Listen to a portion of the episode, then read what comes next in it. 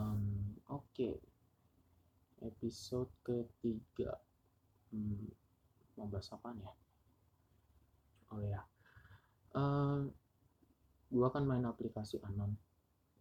Udah lumayan lama juga sih.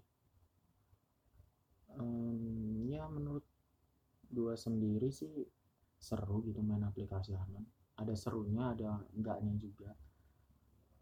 Dan menurut gua seru-seru aja karena ya gua nggak harus eh, reveal siapa gua, nggak harus mencantumkan foto atau apa gitu yang menurut gua mungkin bisa jadi suatu privacy.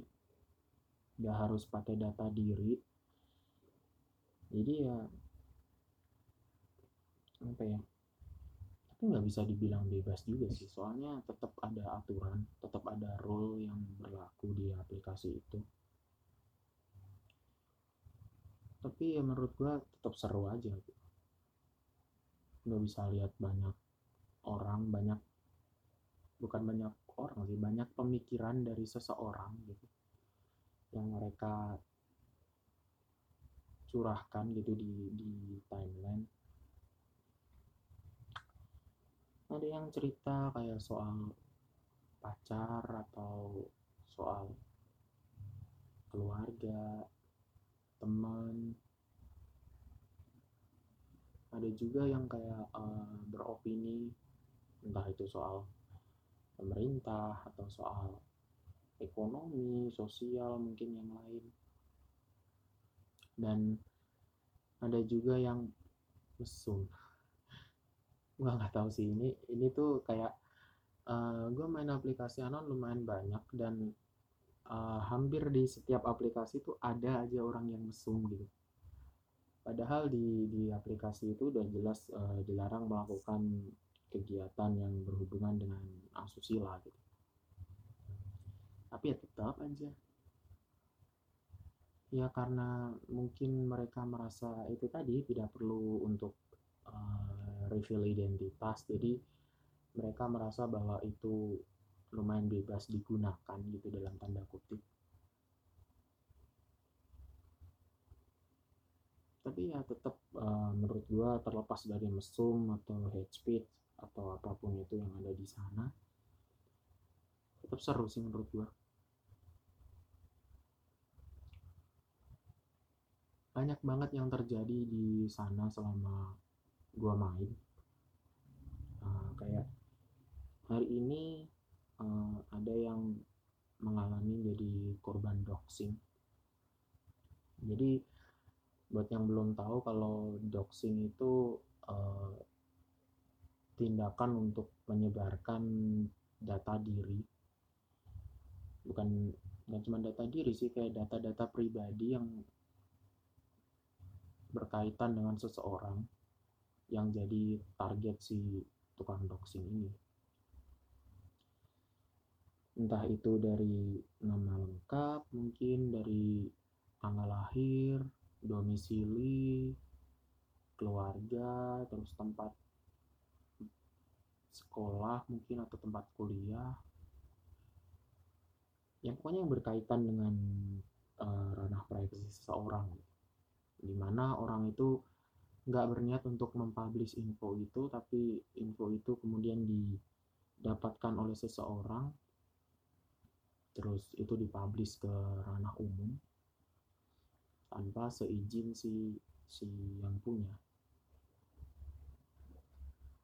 Uh, tindakan kayak gini udah jelas melanggar hukum sih. Udah jelas uh, bisa dilaporin atas dasar undang-undang ITE di mana dia menyebarkan data itu tanpa uh, seizin yang punya.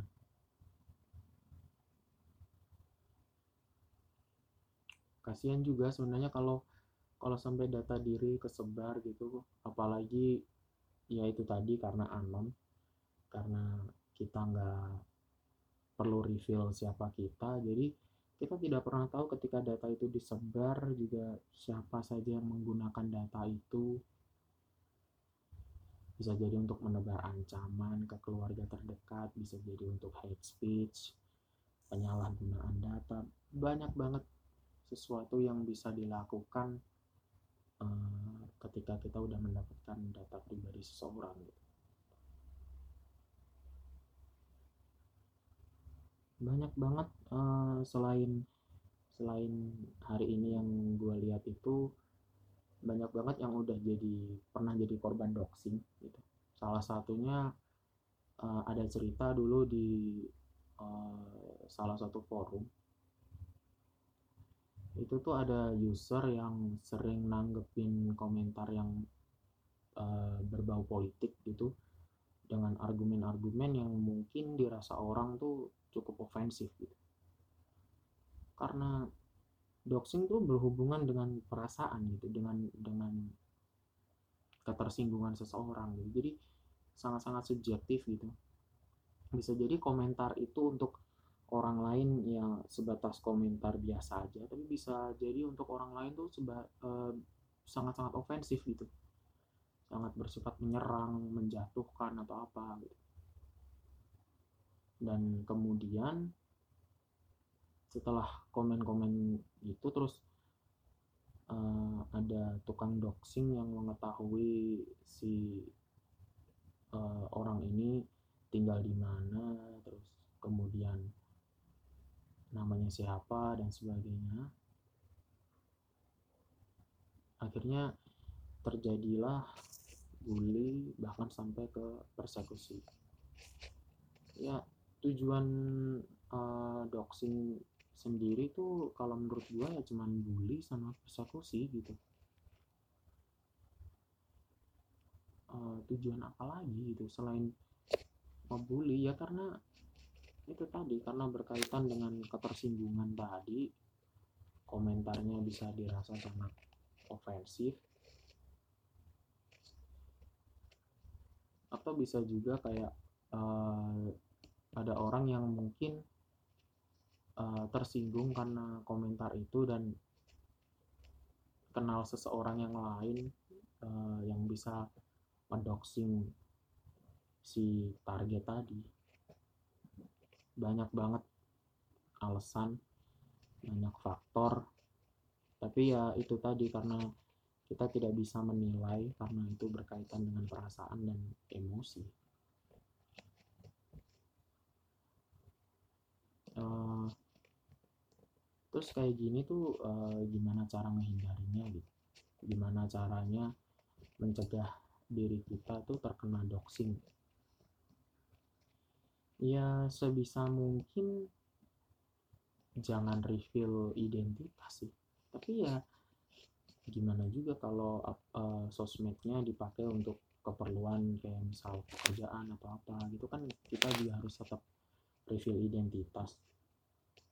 Ya berarti nggak perlu jadi orang yang uh, apa ya yang ngoyo banget untuk untuk dinotis atau apa. Intinya jadi orang yang normal-normal aja gitu. Jangan sampai menyinggung seseorang. Atau ya cari aman aja lah gitu. Garis besarnya sih cari aman aja gitu. Nggak perlu yang terlalu gimana banget caper atau apa pun itu. Soalnya bisa jadi kayak uh, sesuatu yang kita niatnya bercanda atau apa gitu itu bisa jadi sangat ofensif bagi orang lain gitu. Ya begitulah ceritanya. Balik lagi ke aplikasi anon tadi banyak banget gua temui kayak opini-opini atau argumen yang lumayan menarik gitu. kadang uh, bisa jadi apa ya pelajaran juga buat gua nambah ilmu nambah wawasan nambah uh, pengetahuan entah itu dari segi akademik maupun moral mengubah cara berpikir. Karena gue bisa tahu uh, sudut pandang seseorang ya salah satunya dari situ sih. Kayak gue pernah lihat gitu, satu postingan yang dia beropini bahwa uh, enak banget gitu jadi cewek tinggal ngangkang dapet duit gitu katanya uh, terus gue mikir bahwa itu tuh nggak semudah apa yang di, dibayangkan si orang yang posting itu gitu menurut gue ya ketika dia bilang ngangkang gitu udah jelas konteksnya itu mengarah ke mereka-mereka yang jadi uh, pekerja seks komersial. Jadi PSK karena menurut dia gitu. Kita tinggal berhubungan seksual kemudian dapat duit yang lumayan udah selesai sampai situ gitu. Ya padahal menurut gua nggak nggak semudah itu sih. Apalagi untuk jadi PSK gitu di Indonesia di mana uh, warganya masih menganut apa ya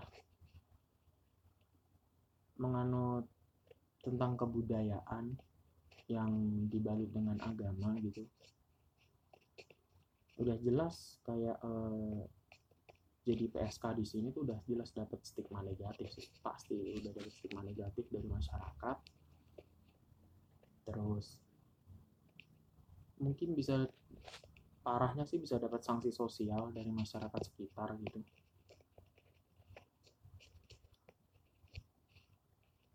belum lagi kayak uh, mungkin lo semua pernah baca atau pernah melihat kayak yang PSK dibunuh mendapat kekerasan atau apa gitu. Jadi itu tuh eh, nggak uh, semudah yang dibayangkan gitu. Jadi jadi seorang PSK pun nggak semudah itu gitu. Kayak gue pernah mikir bahwa mungkin nggak sih mereka ini menerima klien gitu yang fantasi seksualnya tuh berbeda gitu? Menurut gue sih kayak yang kayak gitu tuh bisa sangat terjadi gitu. Kebayang nggak kalau uh, si cewek ini jadi PSK gitu? Kan dia nggak bisa milih siapa konsumennya. Jadi ketika dia memutuskan untuk jadi PSK gitu dan hari itu dia menerima tamu gitu dalam tanda kutip dia tidak bisa memilih uh, konsumennya ini seperti apa gitu orang-orang dengan uh, sifat atau ya seperti apa gitu loh. Kalau misal itu udah uh, terjadi gitu kan bukan tidak mungkin dia bakal menerima kekerasan atau apa gitu ketika orangnya temperamental. Kalau mungkin dia mendapatkan tamu tadi ya dalam tanda kutip yang lurus gitu. Dalam tanda kutip juga yang sesuai koridor uh, yang ketika dia pakai jasanya udah selesai gitu oh pakai jasanya terus bayar bayar dulu baru udahan. Nggak bayar ya. terus apa ya? Um, si si PSK ini mungkin ya berharapnya sih seperti itu dia dia mendapatkan klien seperti itu tapi gimana ketika itu jadi seseorang yang punya fantasi seksual berbeda dari dari orang pada umumnya gitu? Kayak sebut saja dia seorang masokis gitu, atau seorang dengan fantasi yang uh,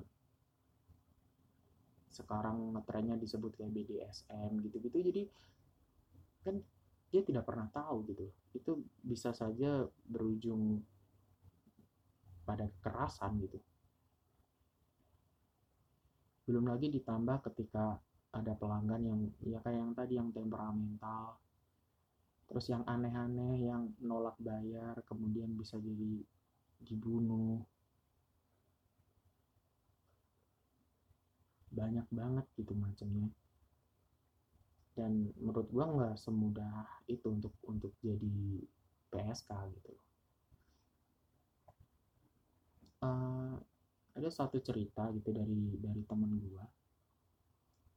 Ketika dia sharing sama seorang waria. Si waria ini juga bekerja sebagai PSK gitu. Jadi udah double kill gitu ibaratnya. Selain dia waria dia bekerja juga sebagai PSK jadi, itu udah dapat stigma negatif karena dia menjadi seorang waria dan dia dapat stigma negatif lagi karena dia bekerja sebagai PSK gitu. Terus waktu itu dia lagi nunggu tamu. Ketika tamunya udah datang, nah, diajaklah itu si waria tadi naik mobil. Gitu. Naik mobil, dia udah udah diajak muter-muter, kemudian diturunin di tengah jalan. Dan e, nuruninya tuh bukan di jalan gede kayak jalan protokol kota gitu bukan. Diturunnya tuh di jalan di dekat hutan daerah pegunungan dekat sini. Itu tuh daerah e, benar-benar sepi gitu karena di daerah pegunungan ya diturunin di tengah jalan nggak dapet duit karena si tamu ini tadi belum pakai jasa dia gitu. Terus dia harus pulang jalan kaki.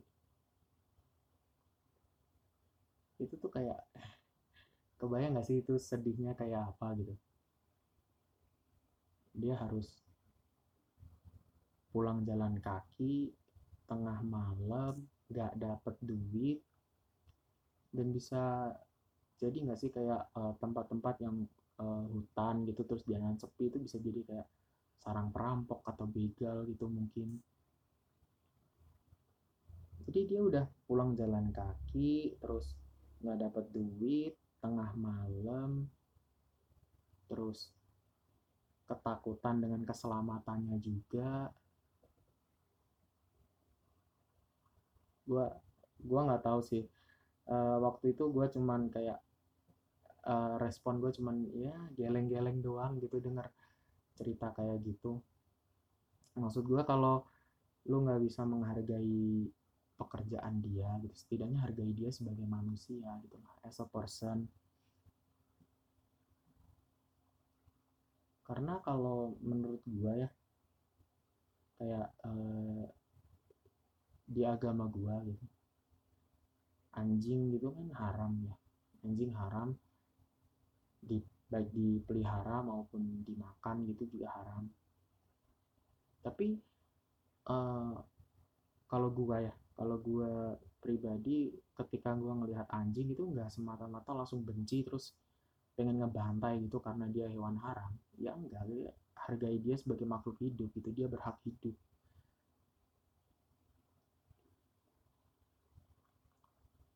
Jadi kalau nggak bisa menghargai pekerjaan dia sebagai seorang waria dan PSK, ya setidaknya hargai dia sebagai manusia gitu Kayak hati hati lo tuh di mana sih gitu loh. Bisa memperlakukan manusia yang lain tuh kayak gitu gitu. Sedih gue dengernya waktu itu. Ya, tapi itulah manusia banyak banget macamnya karena kalau nggak ada yang jahat juga nggak ada tolak ukur kita tuh jadi manusia baik tuh seperti apa gitu. Karena kalau semuanya baik kita nggak pernah tahu siapa atau gimana lah caranya jadi orang baik.